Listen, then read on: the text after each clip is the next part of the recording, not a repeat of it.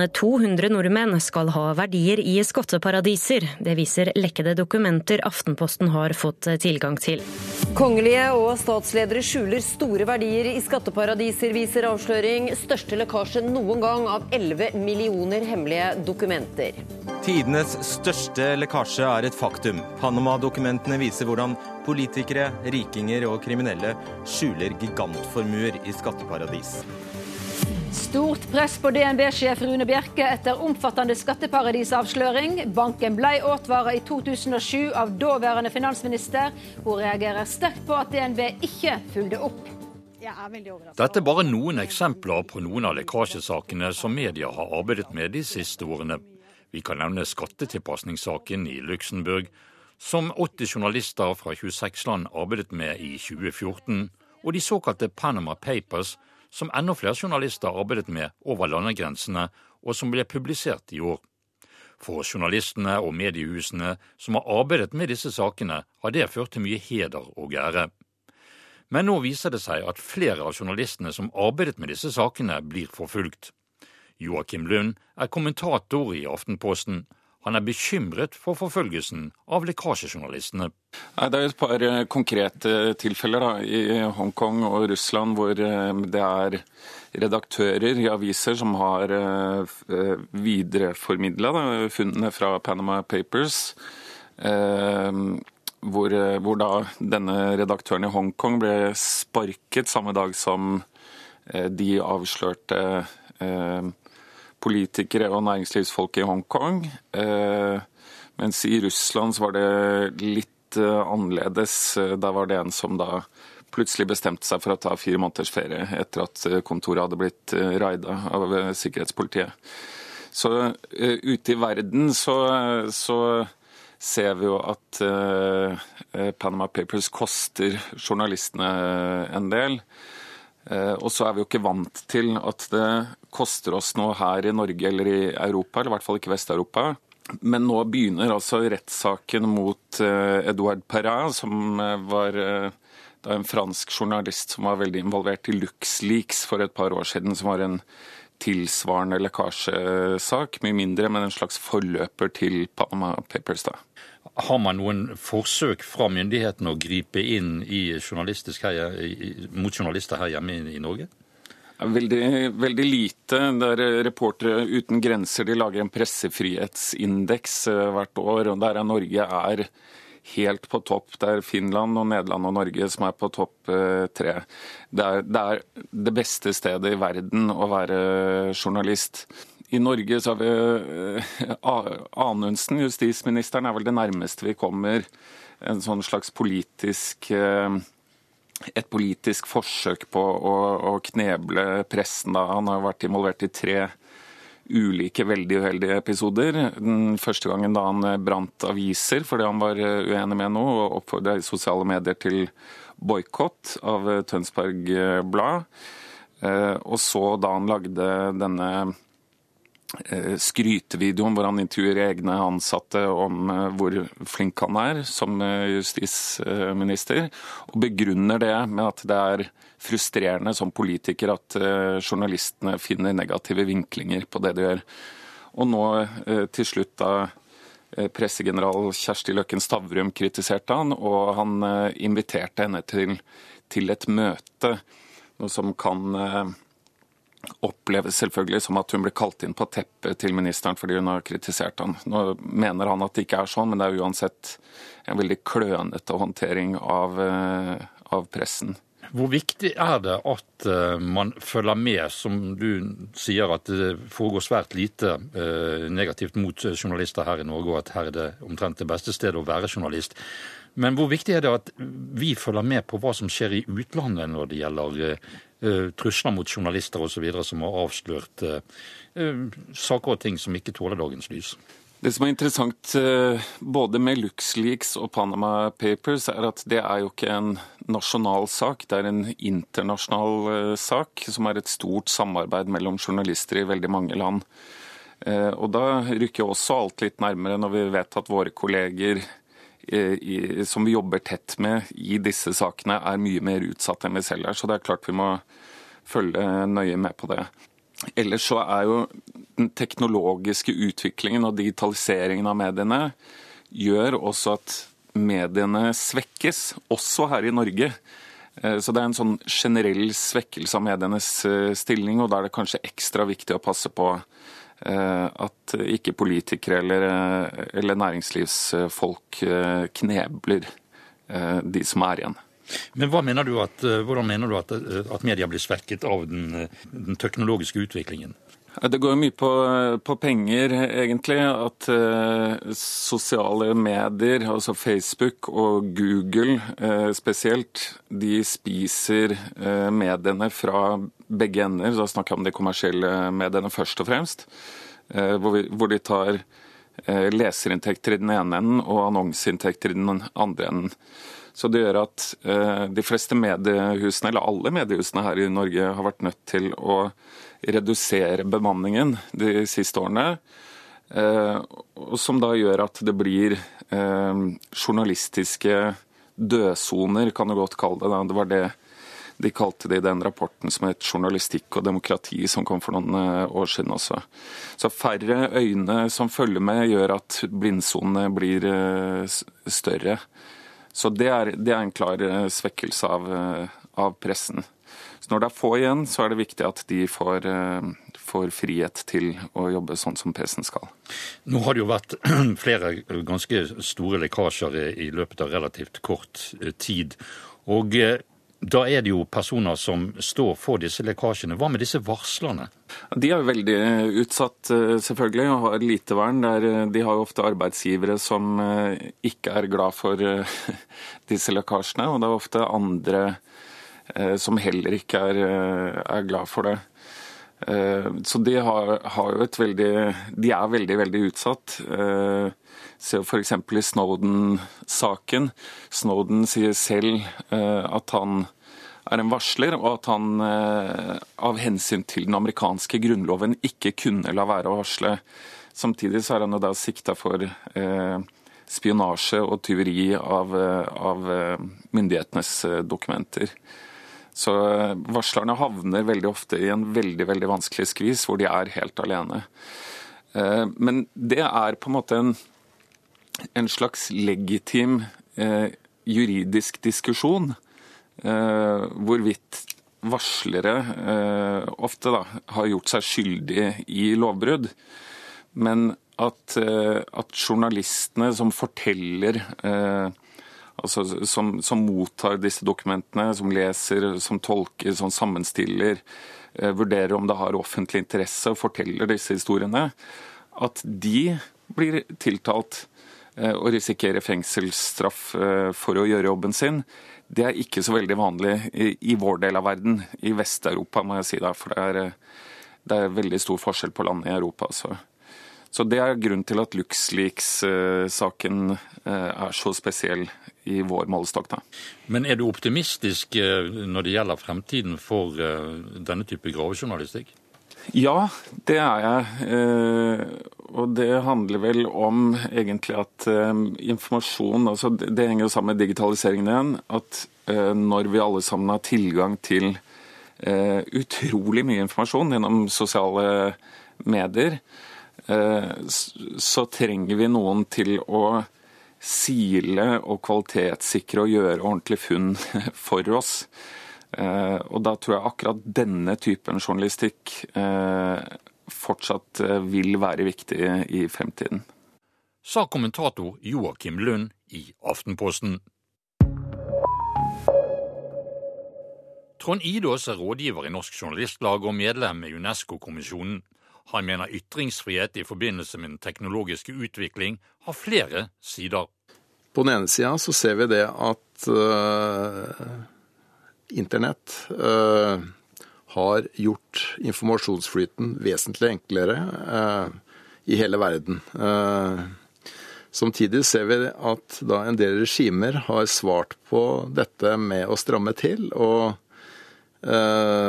legge klare bånd på borgernes mulighet til å informere seg eh, om hva som skjer i både eget land og internasjonalt.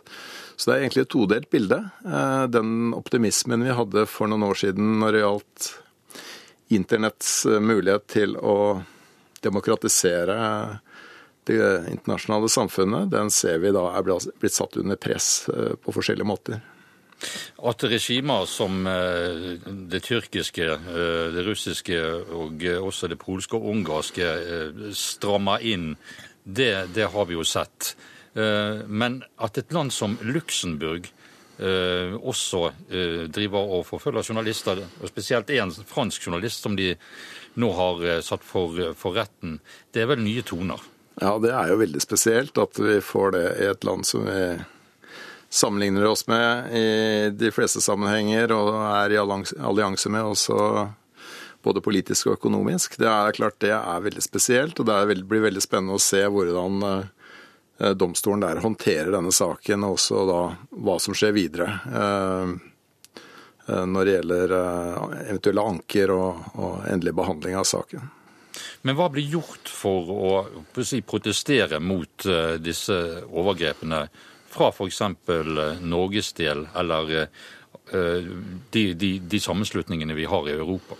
Europarådet har nettopp vedtatt ny, nye retningslinjer for å ja, rådgi sine medlemmer, da, for å kalle det det. Altså, Europarådet har jo 47 medlemsland, bl.a. Tyrkia, Russland og en del av de landene som er på den lista over de som har, bør rydde opp hjemme.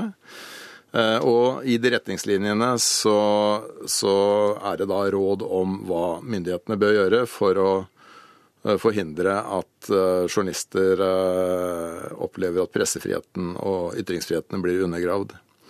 Så du kan si at Europarådet er i en særstilling i den forstand at de da for det første har disse retningslinjene, for det andre har den eh, europeiske menneskerettskonvensjonen, som de da kan forfølge rent rettslig inn i den europeiske menneskerettsdomstolen. Altså, så hvis et av medlemslandene bryter eh, f.eks. med pressefrihet eller ikke ivaretar journalisters sikkerhet, så kan saken bringes inn for Den europeiske menneskerettsdomstolen, og så vil de bli dømt der. Så det er jo i hvert fall en eh, overnasjonal organisasjon som har sanksjonsmuligheter, og som også har vist seg villig til å bruke det. Bl.a. Tyrkia er blitt dømt fordi de eh, ikke ivaretok sikkerheten til en kurdisk journalist som var trua på livet, og hvor myndighetene ikke satte inn tilstrekkelig sikkerhetstiltak rundt eh, han. Og etter at han da faktisk blei drept, så gikk familien og og, og menneskerettsorganisasjoner da, i Tyrkia til sak mot Tyrkia, og de ble da dømt i domstolen der. da. Hvilke muligheter har man til å sanksjonere og, og, og hva skal vi si, holde eh, riset bak speilet overfor disse regimene? Altså det, det, ligger jo en betydelig internasjonal eh, pressfordømmelse på land da, som blir dømt, og prestisjetap. Altså Norge også har jo tapt eh, flere saker i Den europeiske menneskerettsdomstolen, og det er klart det er det er en belastning for regimet. Og det, det er jo da for Norges del, altså de gangene Norge har blitt dømt, eh, så har jo det ført til endra rettstilstand eh, eh, i norske domstoler. Altså det har tatt det til etterretning at de må følge Den europeiske menneskerettsdomstolen som medlem av Europarådet. Nå er jo du rådgiver i Norsk Journalistlag, som organiserer norske journalister. Hvor nøye følger dere med på, på dette med eh, journalisters rett til eh, si, ytringsfrihet og, og arbeid? Altså det er selvfølgelig et sentralt tema for oss, kanskje særlig internasjonalt. Uh, gjennom våre altså de internasjonale organisasjonene som vi er medlem av, både i Europa og internasjonalt, EFJ og IFJ, så er jo dette et viktig tema. og vi bidrar jo også med kursvirksomhet og den type ting. En i Midtøsten og i en del afrikanske land, hvor også dette med journalistsikkerhet er tema. I tillegg så er det helt klart tema også blant norske journalister, både som skal ut internasjonalt, men også med tanke på å jobbe i Norge. Og det er jo eh, når det gjelder Panama Papers, da, som du nevnte, så er det klart at Aftenposten har et eh, veldig tett sikkerhetsopplegg rundt denne informasjonen. Også ikke da spesielt med tanke på journalistenes sikkerhet, men for å forhindre eh, at andre kommer får tilgang til disse dataene, altså kryptering av materialet. For det finnes jo eksempler på at norske journalister er blitt eh, overvåka og registrert av norske myndigheter. Senest for en tre-fire år siden, hvor EOS-utvalget, Stortingets kontrollutvalg, kritiserte da deler av Forsvaret for å ha drevet overvåking av norske journalister og hva de holdt på med. Så dette arbeidet med å, overvåke både uh, her hjemme og uh, i, i, andre land er, er, viktig for ytringsfriheten? Helt klart. For det, altså det, altså det, det vi ser med Snowden-saken og amerikanske myndigheters overvåking, gigantisk overvåking av hele den vestlige verden også, det, det er jo at det, det gir det vi kaller en chilling effekt. Altså folk blir mer redd for å la seg intervjue, dele informasjon med journalister, for de ser at noen myndigheter eh, har enorme ressurser til å få tilgang til den informasjonen som de da har, eh, har gått videre med til journalister. Så kildevernet er jo da under sterkt press som følge av dette her. Så det, det, er jo også en viktig sak for oss, både Journalistlaget og de andre norske presseorganisasjonene, å, å jobbe for å, å sikre kilders eh, vern mot eh, mot uh, å bli avslørt eller innsyn av enten det er arbeidsgiver eller om det er myndigheter eller hvem det måtte være. Sa Trond Idås, rådgiver i Norsk Journalistlag og medlem av Unesco-kommisjonen. Jan Gunnar Furely er leder av Stiftelsen for en kritisk og undersøkende presse, SKUP. Stiftelsens formål er å inspirere til undersøkende journalistikk i redaksjonene. Han sier dette om situasjonen omkring gravejournalistikk i Norge i dag. Eh, vi er jo midt inne i masselekkasjenes tid. Eh, vi er også midt inne i en eh, ganske heftig tid hvor mediehusene kutter voldsomt i sine utgifter og i mannskapene. Likevel så vil jeg si at kvaliteten på norsk gravejournalistikk er veldig høy. Det er imponerende arbeider, det som gjøres, men det gjøres mindre graving. Og veldig mange opplever at de aldri får tid til å konsentrere seg om det, for at de blir pressa inn i vaktskjemaer, eh, og ressursene er tynt, eh, liksom, tynt utover eh, i, på, til alle døgnets tider. Eh, nå hevdes det jo at eh, de store graveprosjektene, f.eks. Nå sist såkalte Panama Papers, og så har vi også hatt lekkasjer i forbindelse med Luxembourg. At dette har fått konsekvenser for, eh, for noen av journalistene som har, eh, har, drevet med eh, denne virksomheten. Blant annet så står det noen, noen franske journalister for retten i, i Luxembourg for å ha avslørt ting som ikke tåler dagens lys.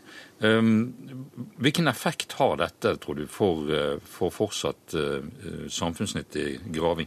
Altså Det har vært en kjent sak at totalitære stater har forfulgt journalister fordi at de har trua makta. Men det, det, vi ser nå, er jo også at det drives eh, regulær jakt på både kilder, altså varslere og journalister, også i vestlige land. Eh, den rettssaken som foregår i Luxembourg, hvor to tidligere ansatte i Price Waterhouse Cooper risikerer ti års fengsel, er jo et eh, eksempel på det. De skal da angivelig ha lekka materiale som var grunnlaget for LuxLeaks, eh, som ga innsyn i hvordan masse globale selskaper hadde gjort hemmelige skatteavtaler med Luxembourg. Eh, det er også rettslig forfølging av den franske journalisten Edouard Perrin, som var gjest på den store globale gravejournalistkonferansen som Skup hadde på Lillehammer i fjor høst. Han var den journalisten som fikk tak i det her, og som delte det med et stort nettverk av journalister. Han er nå tiltalt i Luxembourg for tyveri, eh, for å avsløre forretningshemmeligheter, personlige opplysninger. Han er også, han er også tiltalt for eh, eh, hvitvasking, eller i hvert fall anklaga for det. Hvilken effekt har, har, dette når myndigheter og andre griper inn mot journalister som faktisk bare har gjort jobben sin? Ja, altså Jurister og eksperter på ytringsfrihet snakker om en chilling-effekt. Altså Kilder og varslere blir varsomme med å gå ut til pressen med kritikkverdige forhold, fordi at de ser at uh, varslere da blir rettslig forfulgt.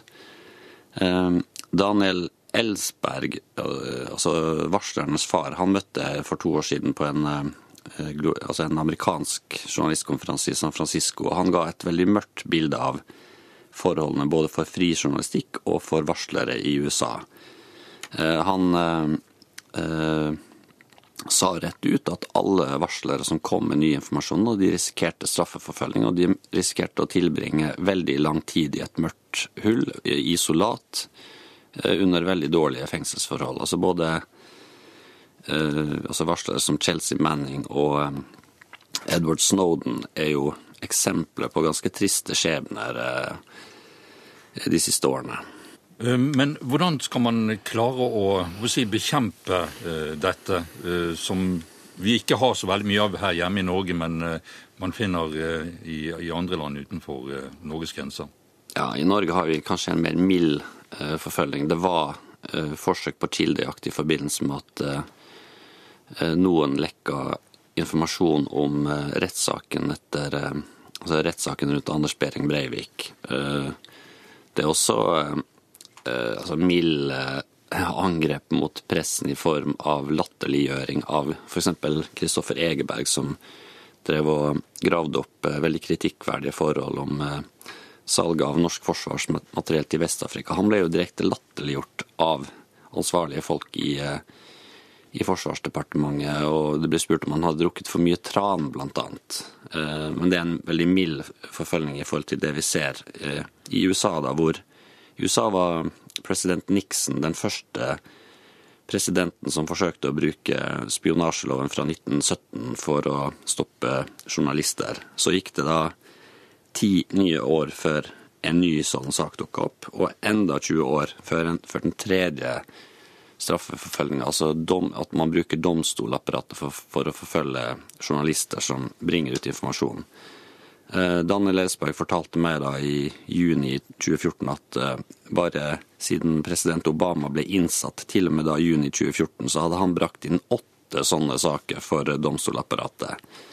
Eh, det viser at, at administrasjonen i USA forfølger journalister som bringer frem opplysninger de ikke liker. Det er jo en illevarslende utvikling. Men hvordan kan dette bekjempes? Det er masse eh, journalister, og på våre konferanser så drives det opplæring i kryptering, eh, hvordan man beskytter seg. Altså Vi er i en digital tid. Alt du har av digitale duppeditter kan jo overvåkes. Eh, men det er sånn at uansett hvor bra kryptering altså Det er jo grader av, av kryptering, men kryptering kan også knekkes. Sånn at dette byr på store utfordringer for journalister. Hvordan skal de Eh, beskytte kilden, og mange mener at illusjonen om at man kan beskytte eh, kilden, har, eh, har sett brist av det. Nå vet vi jo at bl.a. i Europarådet så har man vedtatt si, har gjort vedtak om ytringsfrihet og, og også vedtak som skal skjerme både journalister og de som kommer med opplysningene til de. Tror du dette har noen effekt? Ja, så Sverige har jo eh, kommet med et veldig sterkt lovverk som beskytter varslere og journalisters kilder. Eh, vi har vel ikke noe tilsvarende som det er i Norge, og Sverige ligger langt foran i Europa. Eh, nå er, nå er, det vel ikke alle de europeiske landene som er like enig i den i de, de, forslagene. Og vi ser jo rundt omkring at, at dette utfordres eh, flere steder. da. Det vil jo alltid være et behov, og det vil alltid være gravejournalistikk der ute. Altså jeg tror eh, i den forandringens tid som mediebransjen opplever nå, så vil gravejournalistikken måtte finne en ny form. Eh, det kan være at det blir mer og mer av sånne uavhengige Eh, startups, da, uavhengige organisasjoner som driver med gravejournalistikk i kompaniskap med den etablerte pressa. Og uh, et av de mest interessante trekkene nå er jo hvordan det her International Consortium of Investigative Journalists i Washington jobber via nettverk med journalister over hele verden og tar den ene store masselekkasjesaken etter den andre. Med åpenbare konsekvenser for de som har prøvd å skjule ting for offentligheten.